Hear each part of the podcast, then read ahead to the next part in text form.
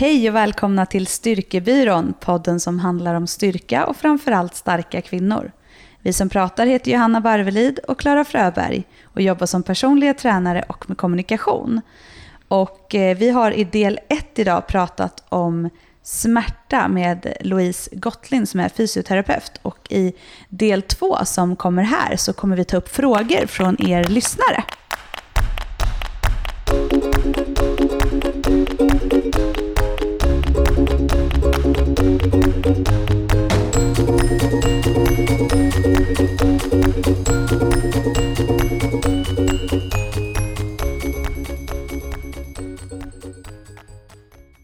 Ja, vi har fått in många frågor. Eh, Roligt. Ja, det är jätteroligt att vi har så engagerade lyssnare. Och det är många som har ganska lika frågor. Eh, vi har, och sen är det vissa som har väldigt specifika frågor. Vi har valt ut en del av de frågor som har kommit in som vi känner att vi kan svara på. Eh, och vi kommer också ta upp vilka frågor vi inte kan svara på. Ehm, och här är en fråga då. Min fråga börjar lite specifikt. Sorry, står det här. Eh, jag hade tokigt ont i ryggen efter en flygning fram och tillbaka över Atlanten. Även ett uppehåll på kanske tre veckor i min normala träningsmängd. Jag tränar flera gånger i veckan och har hittills aldrig ont eller skadat mig. 28 år. Jag tror att det var mitt första ryggskott. Aldrig upplevt. Eh, kunde inte lyfta armen i början. Primärvården hittade inget brock. Jag gick till en kiropraktor för att testa. Det var väl gött, men jag tror att det var ståskrivbord och styrketräning som långsamt läkte bort det. Nu till min fråga. Kiropraktorn påstod att jag säkert har värk på andra ställen i kroppen, men att jag tränar bort det. Men jag har ju inte ont någonstans vad jag vet. Är det sant? Kan man dölja smärta med träning? Borde jag dra ner även om jag inte känner något någonstans? Bra fråga tycker jag. Jag mm. tror att många kan eh, relatera till det där. Dels, första delen av frågan är ju att hon flyger Mm. Och plus att hon har ett eh, träningsuppehåll på tre veckor. Precis. Det är första delen. Och sen ja. andra delen, då frågar hon om hon ska förändra sin träning. Precis, i början så trodde hon att det var ett ryggskott och då sen så gick hon till vården och för att kolla om det var något brock, men det var det inte. Så man hittade, man hittade ingenting och hon gick även till en kiropraktor som trodde att hon då hade verk på andra ställen i kroppen. Exakt, och eh, ja. Men det, träning... verkar, det låter som att det kom under den här flyg, av den här flygningen. Jag tror inte att det är träningen som är problemet, utan där skulle jag snarare säga, eftersom hon själv skriver att under en flygning fick hon ont i ryggen, så är det snarare stillasittandet som har gjort att hon har fått ont i ryggen. Eh, och ett träningsuppehåll kan ju också göra att man får sådana typer av smärtor. Eh, det hon ska göra det är att fortsätta träna. Och ja, man kan träna bort smärta, för träning är smärtlindrande. Både styrketräning och konditionsträning skapar smärtlindrande hormoner som liknar eh, morfin. Som gör att man kan plocka bort smärta och få vissa, vad ska man säga, triggerpunkter i kroppen att eh, mjukas upp lite grann och inte göra så ont. Så att om, bara för att man har, har ont i ryggen så behöver det betyda att man ska sluta med all typ av aktivitet? Nej, och i det här fallet låter det som att det är flygningen som är boven i dramat. Ja, för att flyga, göra en lång flygning, vi säger att man åker som jag gjorde i våras till Thailand, sitter på ett flyg i 12 timmar. Det är klart att det påverkar eh, kroppen och det rekommenderas ju att man har stödstrumpor på sig. Men även, det finns alltid, tycker jag alltid man ser några eh, friska pensionärer på långflygningar som ställer sig upp och gör de här övningarna ja, i gången. Jag är en av dem. Ja, jag tycker det är jättebra. Nu, nu när vi flög eh, sist från Thailand så gjorde jag lite utfallsgång mm. eh, i, i flyget också, just för att inte stelna till. Att sitta länge är ju, vi vet ju heller ingenting om vad hon gör i övrigt i sin vardag. Precis, vi har ingen aning om hur hon ser ut och rör sig i vardagen. Nej, eller om hon har ett ehm. stillasittande jobb för övrigt. Men hennes oro inför att hon behöver förändra sin träning tror jag att hon kan vara lugn med. Ja, precis. Ja. Eh, ja. Man kan ju inte jobba med någonting annat än det man vet. Nej, precis. Hej, jag har problem med min ländrygg, troligen en diskbuktning, men vill gärna fortsätta löpträna, yoga och att lyfta tungt. Hur ska jag tänka kring träning för att stärka upp min ländrygg istället för att förvärra tillståndet? PS. Har ett stillasittande jobb. Här har ju hon redan själv förstått en liten del av orsaken till att hon har ont, tror jag. Eftersom hon skriver att hon sitter still. Eh, stillasittande påverkar ju ryggen mycket. Eh, så redan där skulle jag se till att få ett ståbord av min arbetsgivare. Eller på något sätt skapa fler pauser i min vardag, i, i arbetet. Eh, det här med att gå på toaletten, gå och hämta kaffe, gå till någon kollega, gå i trapporna på lunchen. Små saker. Röra sig varje timme för att inte ryggen ska få så ont. Och sen som vi pratade om i första avsnittet att när man har ont så är det väldigt svårt att jobba så att kroppen läker smärtan om man har mål att vilja springa och vilja lyfta tungt. Då är snarare det ett sekundärt mål, alltså ett mål längre fram i tiden. Att lyfta tungt, springa fort, det är någonting hon kan göra när hon har varit smärtfri under en viss tid. Hur lång tid skulle du? Jag skulle vilja att hon var smärtfri i minst tre månader innan hon börjar fokusera på någon form av prestationsinriktad träning. Eh, och då gäller det, hon kan ju förbereda sin lyfta tungt-träning genom att göra marklyft med pinne eller marklyft med bara en stång. Genom att träna teknikträning så hon kan göra alla styrketräningsrörelser fast inte lika tungt. Samma sak med löpning. Hon kan göra mycket enbensövningar och jobba upp det men hon behöver göra det utan vikt i början för att ryggen ska må bra. Och dessutom träna upp väldigt mycket bål skulle jag säga. Men hur vet man, um, hur vet man när man bör söka hjälp med... Är det här en person som du tycker låter som ska söka hjälp hos en terapeut med sin smärta? Jag tycker så här att om man... Man kan prova det som blir, det det blir bättre av och det det blir sämre av kan man liksom kategorisera. Plocka bort det som det blir sämre av. Jag gissar att stillasittande på kontoret, lyfta väldigt tungt och springa väldigt fort utlöser smärta hos henne. Då skulle jag minska det eller plocka bort det helt under en period, minst tre månader, och jobba med saker som hon mår bättre av. Men om hon inte upplever någon förbättring och om hon dessutom upplever en förvärring inom en vecka, tio dagar, så skulle jag definitivt söka hjälp vad gäller diskbråck så får man så ska man till akuten om man upplever liksom domningar eller känselbortfall i underlivet eller insida lår. Då ska man dit på en gång. Det kan vara bra att veta. Yep. Ja, och, och, alltid om man är orolig så ska man söka hjälp. Det, brukar, det är ju våra Stämmer generella bra. riktlinjer att ja. är du orolig, sök hjälp. För att det är, liksom, man kan, det är bättre att man söker hjälp i sånt fall. Än att spekulera. Än att spekulera ja. själv och göra egna diagnoser, diagnoser på det. Men har du nu fått ett diskbråck diagnoserat av någon inom vården? Dis, troligen en diskbuktning. Ja. Ha, är det någon som har berättat att det är troligen det här? Så skulle jag gå tillbaka till den personen och säga, vad ska jag inte göra? Vad ska jag göra? Mm. Och det kan man väl generellt säga, apropå det här med faktiskt när du träffar någon. Att våga ställa krav på den du träffar. Alltså ja. våga säga exakt det du sa nu Louise. Vad är det jag ska göra och vad ska jag inte göra? Sen är det klart att som du sa i tidigare avsnitt att man måste testa på personen, man måste se. Men generellt kan ju ändå, man kan ju ge extrema liksom, riktlinjer. Ja. Eh, att nej, du ska inte springa fort.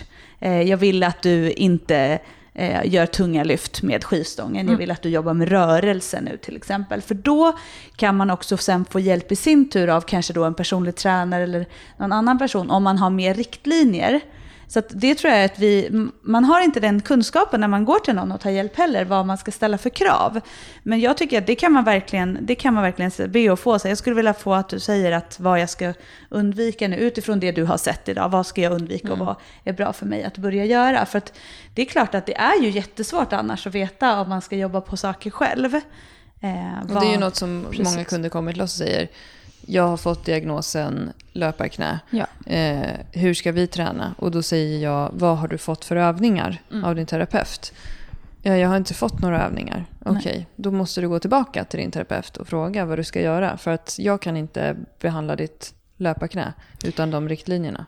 Det som är utmanande i vården, det är att när personer kommer till vården och har ont någonstans. Så, så fort man kommer in på en vårdcentral eller i sjukhus så tenderar man att bara glömma bort saker. Jag brukar liksom säga att har jag tur så kommer min patient ihåg tre saker som jag har sagt på typ en halvtimme. Om mm. jag har tur. Så det kan mycket väl vara så att de har fått övningar. Mm. Men det är liksom helt blankt. Mm. Eller de kanske har missat att säga också till den här personen att jag tränar aktivt och Precis. jag vill, göra, jag vill eh, bli bra Mm. på det här. Exakt. Många kommer ju och, vill inte göra någonting eh, hos en terapeut. Utan de vill bara ha, veta vad det är och så vill de gå därifrån. Mm. Men de är inte beredda att jobba på någonting. Så det är inte alltid lätt för terapeuten att lirka ur vad det är för person som står framför en heller. Nej men precis. Så att jag brukar alltid tipsa om när man ska gå till läkare eller någon annan fysioterapeut, naprapat, vad det nu är. Skriv ner frågorna innan man går dit. Alltså de frågor som man gärna ställer på sociala medier. Vad ska jag göra nu? Vad kan det bero på? Hur ska jag Mm. bete mig? Vad händer med mina marklyft? Jag vill ju springa det här loppet.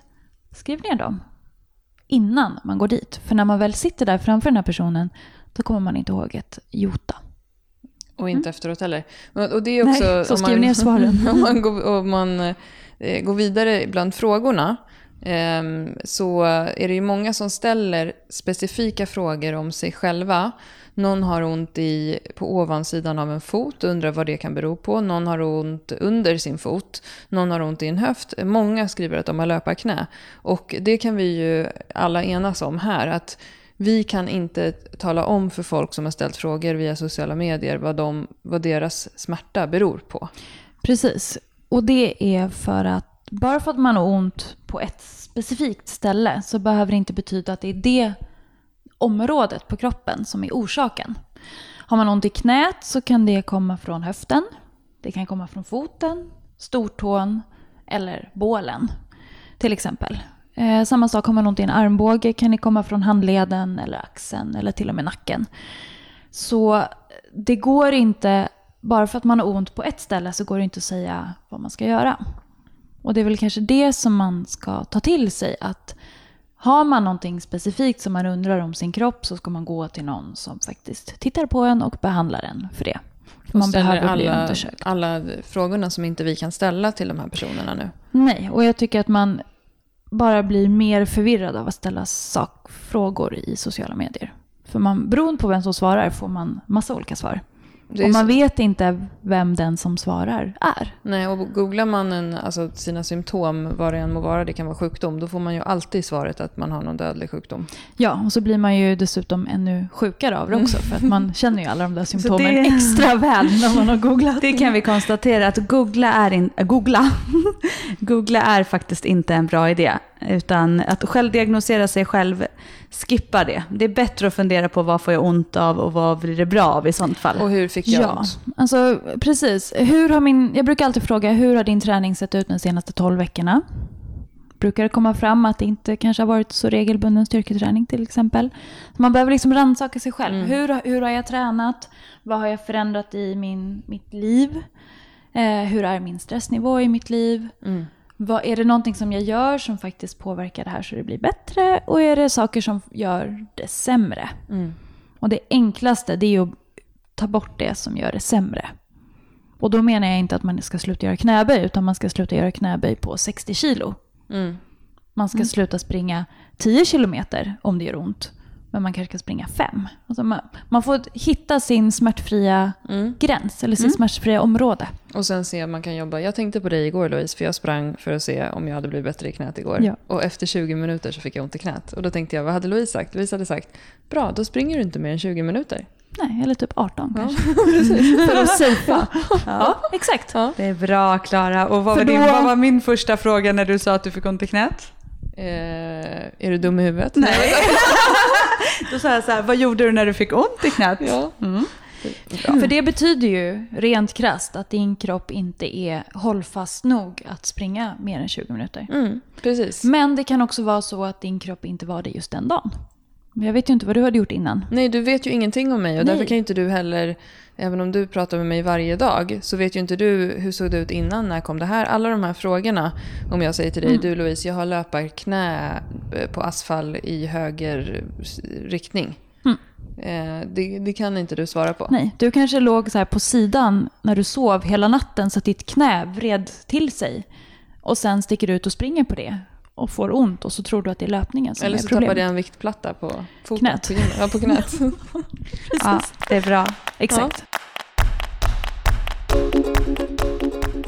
Ja, men jag tänker, jag har en fråga här som jag skulle vilja ta upp. Mm. Ja. Eh, hur mycket smärta bör man kunna stå ut med när man tränar utan att det egentligen innebär skaderisk?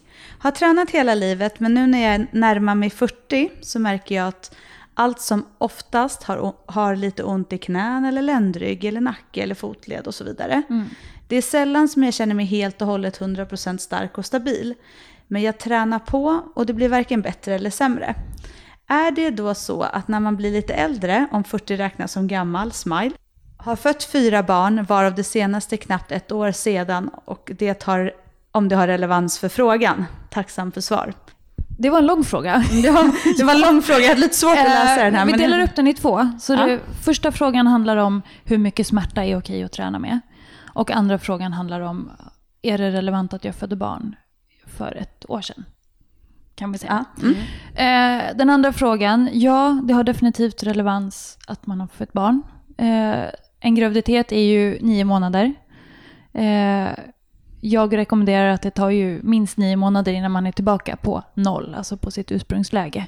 Minst det. Minst, eh, beroende på hur man rör sig och tränar. Eh, så att det påverkar ju definitivt.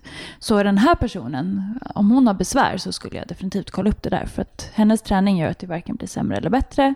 Hon har ont lite överallt och hon verkar inte tycka att det är så kul. Fråga, första delen av frågan, eh, hur ont får man ha när man tränar? tycker jag är jättespännande. För frågar man Johanna när hon ska typ springa intervaller eller kötta på gymmet så kan du ha hur ont som helst till exempel. Eh, jag vet inte vad din smärtgräns går, Klara? Ja, den, jag, jag, jag har i alla fall för mig att jag har ganska hög smärtgräns, men jag är Mm. också ganska olycksdrabbad. jag vet inte. Nej. Eh, men så då kan man säga så här att den här skönt ont-känslan, den är ju inga problem att den är hög. Alltså när vi pratar skönt ont, då pratar vi det bränner i lungorna, man känner att man börjar kräkas, eh, man känner att låren brinner upp för att man hoppar eller gör knäböj till exempel. Eller då på löpandet om man ska göra något backpass eller vad man håller på med. Så springer man och det är skönt ont, då kan det faktiskt... Alltså ska man ta i så gör det ju ont. Mm. Absolut. Det är ju Kroppen- inte trevligt och mysigt att springa intervaller om man gör det på en hög intensitet. Det är Men- kroppens sätt. Men när jag hör den där frågan, och det kanske är fel, men jag får känslan av att det är en person som har ont över hela dygnet. Inte just specifikt under träningspasset. Och det är ju en smärta som inte är lika ehm, bagatellartad som att det brinner i bröstet. Nej. Eh, det brinner i bröstet. Precis, har man den här ont-ont-känslan eller den här obehagskänslan som hon har i ryggen, lite överallt Mm. i kroppen. Eh, och det dessutom inte liksom blir bättre av träning. Mm. Då är det ju någonting som hon absolut ska gå och få justering för. Hon kommer nog behöva justera sin vardag, skulle jag tro. Eh, för ont-ont ska man inte ha när man tränar. Man ska inte känna att den här stukningskänslan i foten eller att det är något knas med knät. Att det är så. Ont, ont ska man inte ha. Nej men och sen tänker jag, nu skriver hon också så här, kan det vara relaterat till 40 om det nu är gammalt och så smile. Men om man tittar ändå på hennes, hela hennes, det här som vi pratade också om i första delen, det här med att helheten spelar väldigt stor roll. Så kan man ju också titta på, hon har fyra barn, vilket vi förstår för att hon skrev för ett år sedan så fick hon sitt fjärde. Eh, det innebär att hon är fyrbarnsmamma, har förmodligen eh, barn som går både i skolan och kanske har aktiviteter. Ganska fullt ös, det är min bild av det hela. Ehm, och som sagt också att det hon beskriver att hon har ont är ju också ställen som med många jag träffar, om man tänker som har nyligen fått barn, att man faktiskt kanske har en eh, problem med rygg och sånt för att man har burit mycket barn, man har mm eh, kanske inte en jättestark bål sen eh, man har fått barn och så vidare, det känner jag ju igen här. Min, eh, nej, men att, att det är väldigt många saker kring det här som, som såklart Som är, kan vara- påverka. kan, som kan påverka hennes eh, känsla. Och att man får ont i eh, leder och så vidare när man har fått barn. Det är väl också en ganska vanlig, det är väl ganska vanligt att man får i och med att vad som påverkar, eller vad som händer i kroppen under graviditeten. Ja, precis. Beroende på hur man rör sig liksom, Ja. och vilken smärttröskel man har. Men att åldern skulle spela någon roll, då skulle jag faktiskt svara ja. Snarare hur hon har rört sig de senaste tio åren. Eh, någon som är 40 år som tränar regelbundet kan ju definitivt ha en kropp som är smärtfri. Man, Mm. behöver inte, man får inte ökad smärta bara för att man blir äldre, utan det är snarare vår livsstil som påverkar det. Vi har fått en eh, fråga på Facebook eh, som lyder Hur träna underkroppen efter diskbrock i ländryggen? Mm.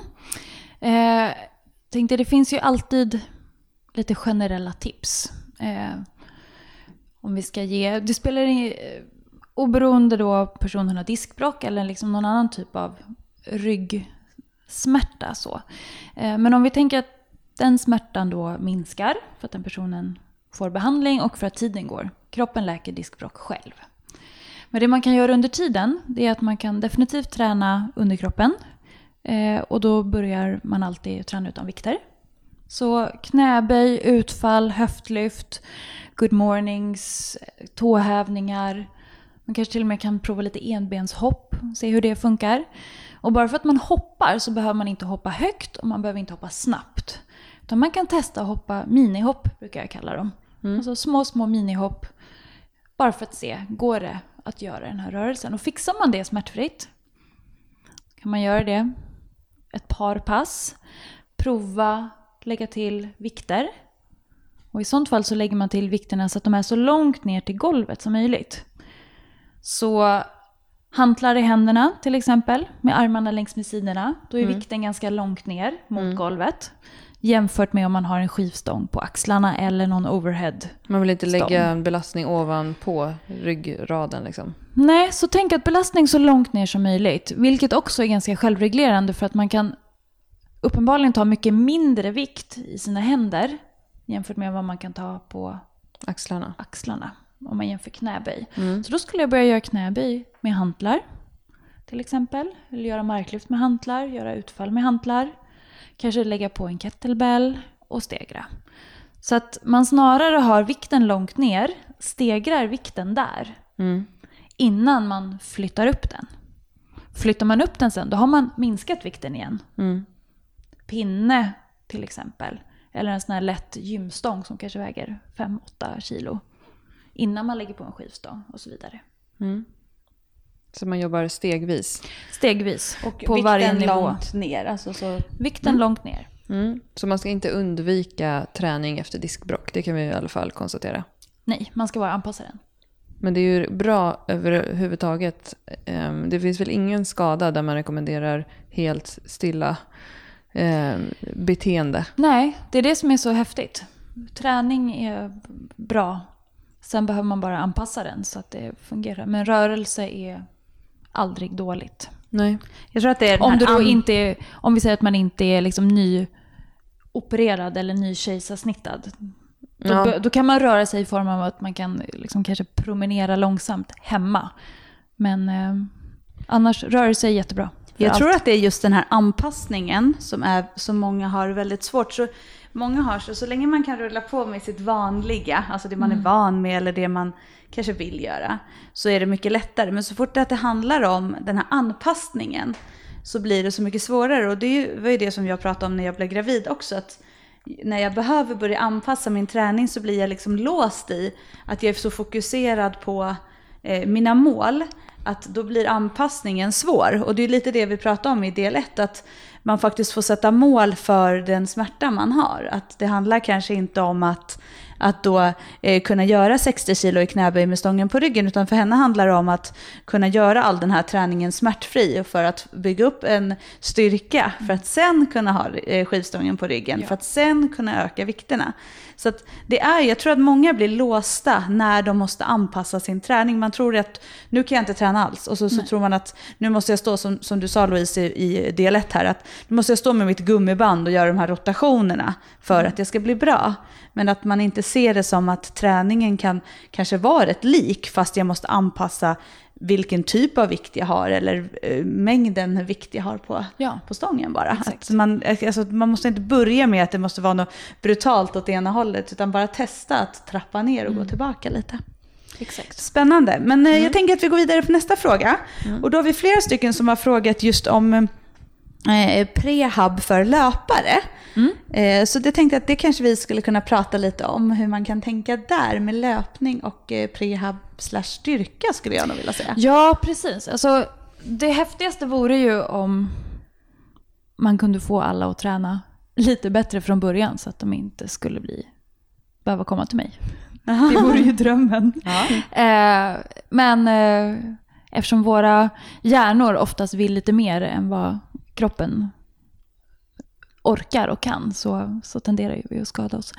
Eh, bra prehabövningar för löpare, då tänker jag så här. Eh, Okej, löpning det är en sport där man landar på ett ben. Det är en sport där man landar med sin kroppsvikt gånger många på sitt ben. Eh, oftast så tar tiden ganska... Alltså, det är sällan man springer tre minuter. Om man nu inte är kortdistansare. Men kort. man, man håller ju på. Om man, om man ser springa som någon form av uthållighetssport så håller man ju på minst 20 minuter. Eh, och man är upprätt när man springer. Så därför tycker jag då att man ska göra enbensövningar. Eh, speciellt att kunna kontrollera fotled, knäled, höfter i hopp. Till exempel. Eh, enbensövningar, hoppövningar. Man behöver ha en kropp som pallar en monoton rörelse i 20 minuter. Det vill säga man måste ha någon form av bålstyrka, man måste ha en hållning, man måste ha ett säte, man måste ha stabiliserande muskulatur som orkar hålla upp kroppen i 20 minuter. Och inte bara tid utan när det är jobbigt under 20 minuter också. Det som jag tänker på när du säger det här med att enbensövningar och hopp, det är att, eh, och nu står det ingen forskning bakom de här heller, utan bara min erfarenhet Det går bra. hittills, eh, som tränare är att många, eh, nu pratar jag också om tjejer ofta, som kommer och är löpare och tycker att styrketräning är ganska tråkigt. För det är klart att en löpare tycker att styrketräning är tråkigt, för en löpare vill ju springa. Ja. Ehm, de har ingen grundstyrka i kroppen ofta. Eh, och då sätter inte jag dem på att göra hopp, det första. Utan då får de bygga upp grundstyrkan i kroppen Mm. först. Därför är just att eh, för dem att, att, eh, att börja med hoppen har de inte den eh, liksom, basen att kunna hantera det. Men samma sak här, man kan göra minihopp. Mm, precis. Om man inte fixar att hoppa på ett ben, då kan man hoppa på två ben. Mm, Såna eh, små vristhopp när man bara lättar från marken Mm. till exempel. Eh, Som typ hopprepshopp. mm. Det kan de flesta göra. Så någon typ av hopp kan Ja, och jag- nästan mm. alla göra. Om man tänker att man kan hoppa väldigt lågt Mm. eh, och kanske långsamt till och med. Man behöver inte göra snabba hopp utan hoppa, landa, ladda om, hoppa igen.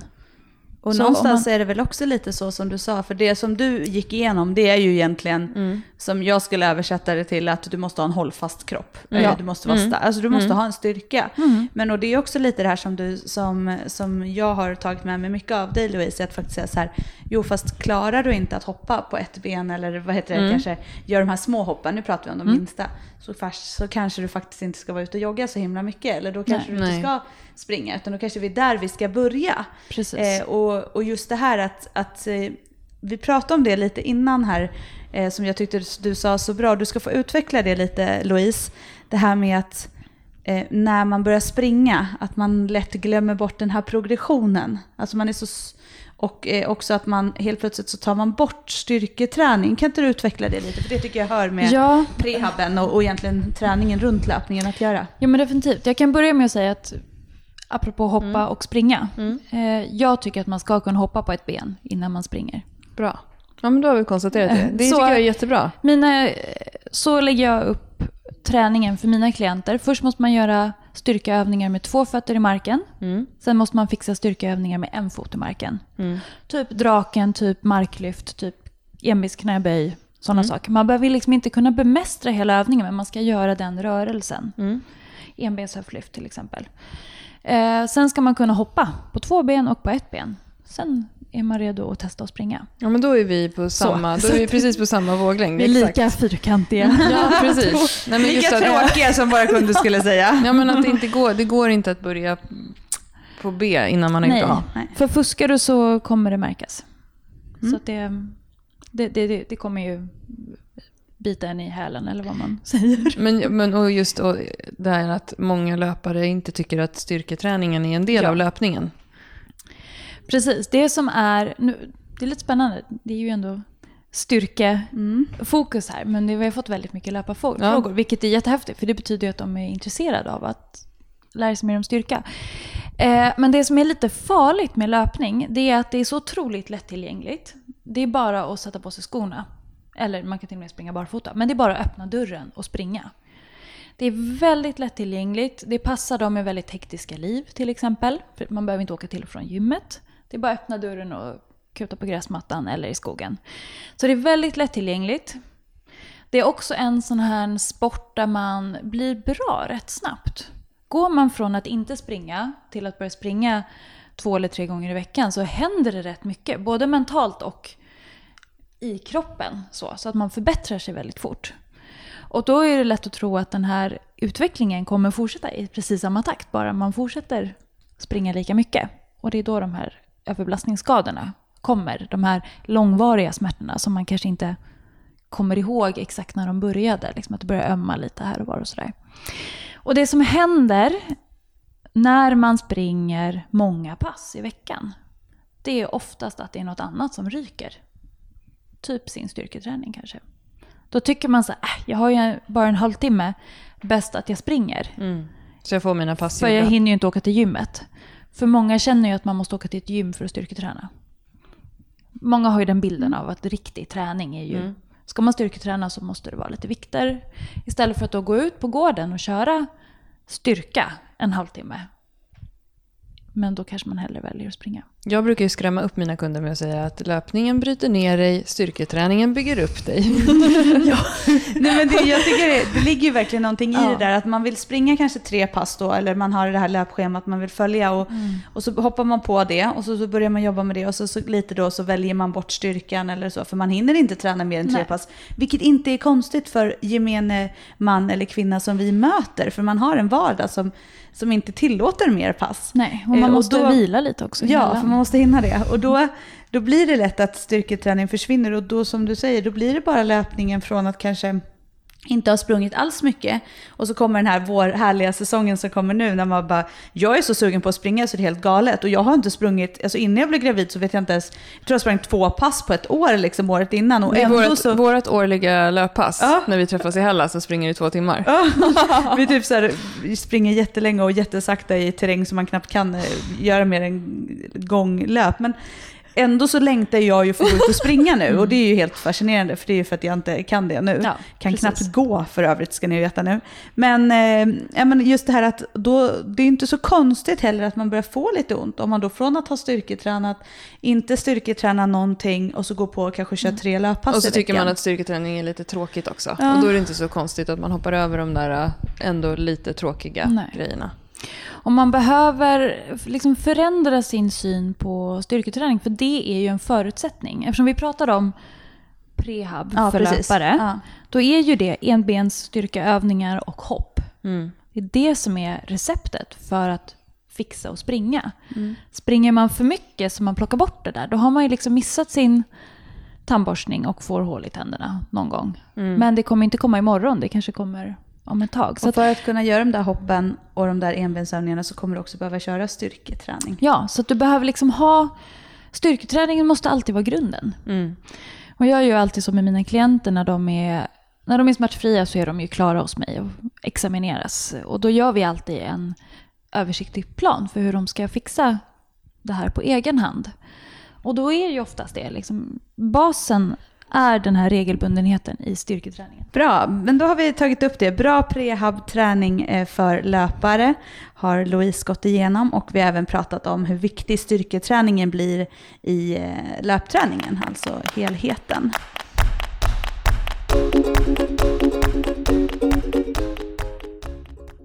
Jag har en fråga. Hur kan jag jobba med bra uppvärmningar som är skadeförebyggande inför rejäla styrkepass? Är det okej att börja knäböja med kettlebells och chins i cirklar till exempel? Är det något jag som kvinna kan tänka extra på om jag har en postgravid bäckenbotten?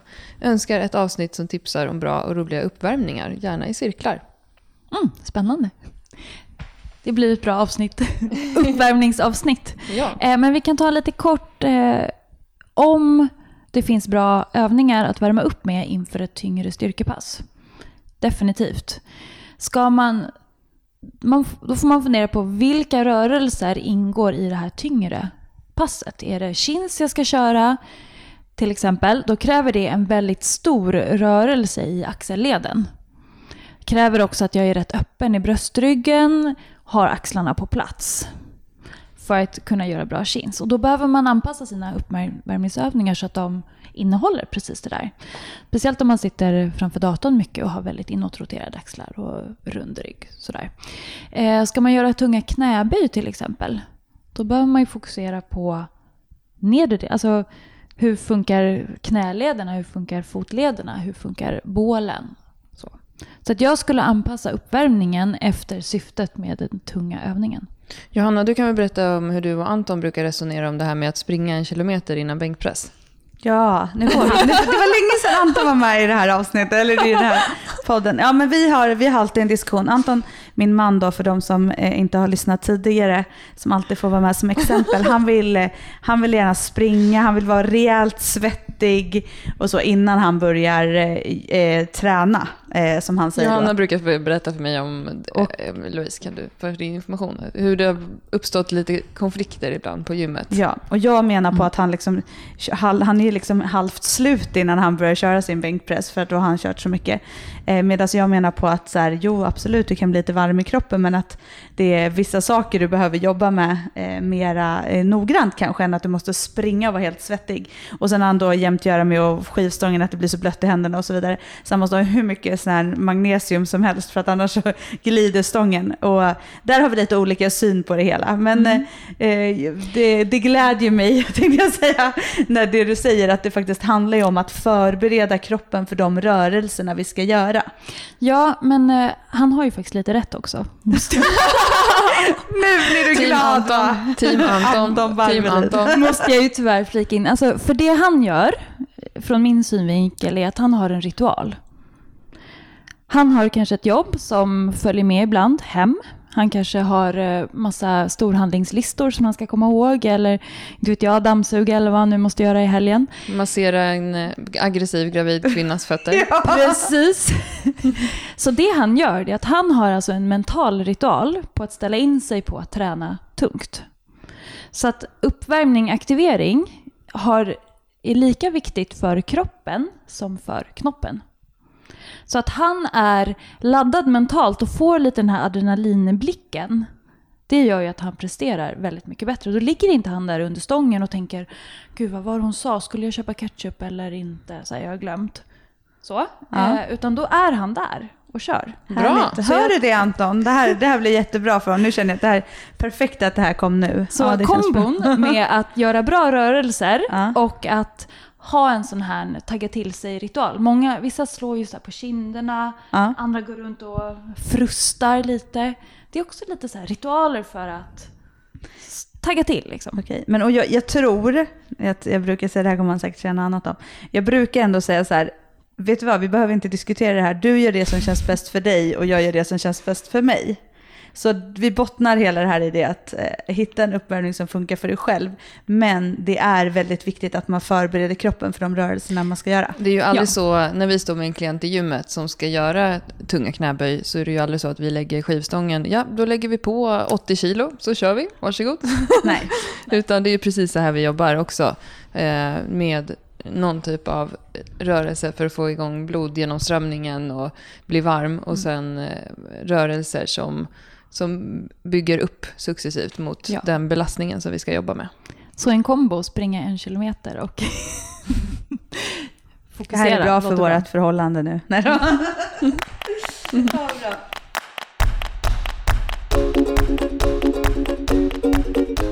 Då har vi en fråga här. Tips på övningar, strategier för att öka rörligheten i en superstel ländrygg. Har fått svårighet att hålla neutral rygg vid mark och böj. Märker att jag i vardagen bara tar ut rörligheten högre upp i ryggen. Ja, spännande. Eh, jag skulle tro att det inte är rörligheten det handlar om. Utan alltså en stel, trött ländrygg får man om ländryggen får jobba för mycket. Oftast. Om vi pratar generellt. Mm. Eh, har man en svag bål eller en bål som inte riktigt kan aktiveras i olika vinklar så får ländryggen jobba väldigt mycket och då tenderar vi att känna oss ganska stela. Ehm, så att, alltså normalt sett har vi inte jättestor rörlighet så i just Nej, men det är ju bra att du tar upp det, för det är ju så också Louise, eller hur? Att vi ska inte vara jätterörliga i just ländryggen. Vi ska vara stabila. Alltså, det som låter, alltså hon kan inte hålla en neutral rygg. Då antar jag att hon svankar. Eller krummar ryggen. Mm. Att det händer, riktigt vad hon händer menar. någonting. Det- Men det det händer på, någonting. det Hon fixar inte- inte att hålla ryggen positionerad. Mm. Eh, och då behöver hon träna upp sin bålaktivering i de olika vinklarna. För det är så att kroppen är så pass enkelspårig så den lär sig bara det man gör. Om jag tränar bålens aktivering i ryggliggande, då blir jag bara bra på det. Det betyder inte att jag kan aktivera den i sittande eller fyrstående eller i stående. Så att när man gör sådana här styrkeövningar eh, som marklyft till exempel, så behöver man träna på varenda liten vinkel och hålla bålen där. I höftfällningen. Yes. Och de flesta tappar ju när man fäller max. Mm. Mm, Få kan hålla ordentlig aktivering där utan att ha tränat på det. Så för henne så handlar det faktiskt kanske om att träna upp bålen och att lä- alltså hitta rörelsen utan vikt eh, också genom att ha tränat upp bålen. Ja, Så. precis. Och, och kanske om, jobba med höftfällningen, tycker jag, eh, i alla delar. Därför Mm. att också väldigt, det allra vanligaste när man har problem med höftfällningen upplever jag, är ju att man inte orkar hålla bröstryggen. Då kanske man tar ut det någon annanstans också. Att man inte eh, kan, eh, som du har lärt oss, stoppa skulderbladen i bakfickan. Eh, jag brukar säga, tänk att du klämmer fast en baguette i varje armhåla. Mm. Ja, bra. som du ska knipsa av. Mm, Och de, de måste sitta där. Och det är ju där man ofta tappar. Och då händer ju någonting med ryggen också. Mm. Att man tittar på vilka beståndsdelar består höftfällningen av och vad behöver jag hålla? Ja, för det är ofta så här, det finns liksom inga genvägar. Om hon inte fixar att hålla ryggen i en övning, då är det den övningen hon ska träna på, inte någonting annat. Utan det, det är precis det hon ska göra, fast utan vikt. Och sen att hon också kanske ska se över hur hennes vardag ser ut som vi pratade om här i del 1. Att det är många saker som spelar in. Sitter hon? Hur, vad har hon för vardag? Lyfter hon saker där? Eh, det kommer också förmodligen påverka väldigt, väldigt mycket mer än de timmarna kanske hon är på gymmet. Om det ens är Ja. timmar, vi vet ju inte alls eh, mängden här. Men Men eh, hon behöver lägga många timmar på att lära kroppen ett nytt rörelsemönster. För hon har säkert använt x antal år och rör sig på ett sätt. Så hon behöver bita ihop under och överkäken och eh, köra x antal pass. Kanske 16-20 pass, bara aktiveringspass, tills Mm. det sitter. härligt. Men sen kommer det sitta som tur är. yes. Grymt. Svårt att formulera frågan kort, men jag har småbarn hemma, lägger tid för att träna, men upplever att jag är skadebenägen, det vill säga lätt få, lätt få inflammation och dålig rygg i släkten. Och dålig rygg i släkten. Prioritera töj, rörlighet och rehab på kvällen när barnen har lagt sig istället för att sitta i soffan. Men vad är mest värt att lägga tiden på om jag upplever mig stel lite överallt? Rörlighet, stretch, blanda, blanda dem eller tips? Bra fråga. Klurig Eh, fråga tycker jag. Mm, men spännande känner jag. Har man någonting i släkten? Alltså, det finns ju massa olika ledsjukdomar, det finns massa olika ryggsjukdomar som man har kroniskt, alltså hela sitt liv. Och man kan ha en benägenhet för att drabbas av dem lättare eller mindre lätt. Och vet man med sig att mamma eller pappa gick och klagade mycket över ryggen, farmor klagade mycket över ryggen, så kan man ge sig sjutton på att det kommer nog drabba en också. Och då gäller det att ha en strategi för det och en livslång strategi. Eh, och då beror det på vad det är för typ av sjukdom, om man ska styrketräna eller rörlighetsträna. Men styrketräna är ju aldrig dåligt. Så att, eh, men däremot behöver man faktiskt gå och träffa någon som ger en ett individuellt program. Mm. Men det låter som att hon behöver träna mer styrka eftersom hon lägger tiden på rörlighet. Och sen tänker jag också så här som, som frågan är formulerad. Det låter ju som att det är, en, att det är ganska mycket med små barn. Alltså, att- och det som du var inne på förut Louise påverkar ju också hur man mår. Um, alltså det är ju som man brukar säga inom vården en stressor. Att ha små barn, hon kanske har ett jobb, vi vet inte hon sover på nätterna. Nej. Det finns ju många saker här som kan inverka Precis. också. Och det, eh, den bedömningen vi gör, även både som personliga tränare eller som du gör eh, som fysioterapeut, är, handlar ju också om hela livet. Precis, och om man dessutom vet med sig att man har någonting i släkten kanske det skapar en oro i kroppen också. Eh, men om hon har provat på ett sätt och inte tycker att det blir något bättre så skulle jag nog gå och besöka en terapeut. Mm. För med, med, vissa av de här kroniska sjukdomarna så kan man inte träna bort problemet. Men man kan träna så att man underhåller det. Så att man håller det i schack. Och så att det i alla fall inte blir värre. Så att eh, vissa människor kommer liksom inte bli bättre utan de kommer bara kunna hålla det på en jämn nivå och kunna hantera det.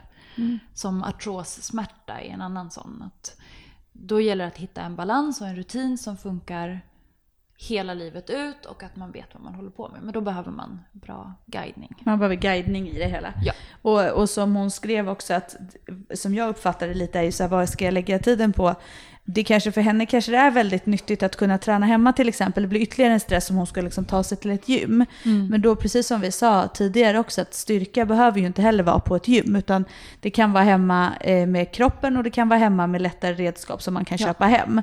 Så att, men att hon, att har hon inte tränat och styrketräna eller testat att styrketräna så kanske hon ska prova det en tid och se eh, om det hjälper och att hon faktiskt gör båda delarna. Det vill säga att hon lägger en del rörlighet i början av sitt pass och så, så att hon kanske tränar lite styrka. Precis, det ena utesluter ju inte det andra utan Nej. man kan välja fyra övningar. Två styrkeövningar för ryggen och två rörlighetsövningar till exempel. Mm.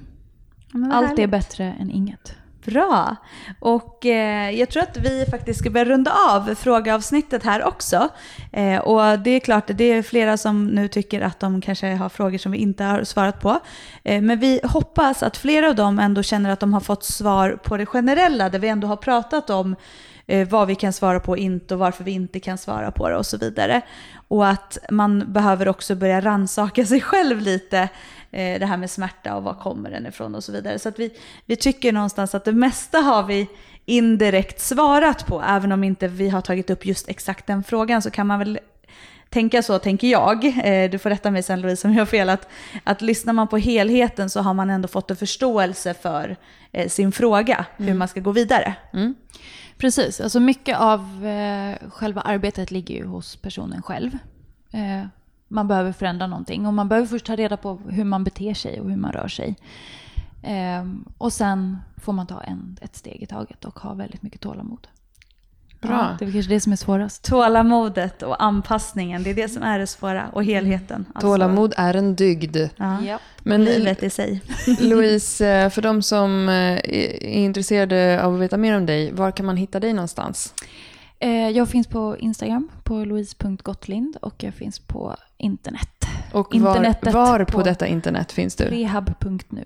www.prehab.nu. Där tycker vi att ni kan spana in om ni vill eh, ta reda på mer om Louise Gottlind. Eh, stort tack för att du har varit med. Tack. Tack. Och tack för att ni lyssnar och tack för alla härliga frågor. Eh, fortsätt att skriva till oss via Styrkebyrån i sociala medier.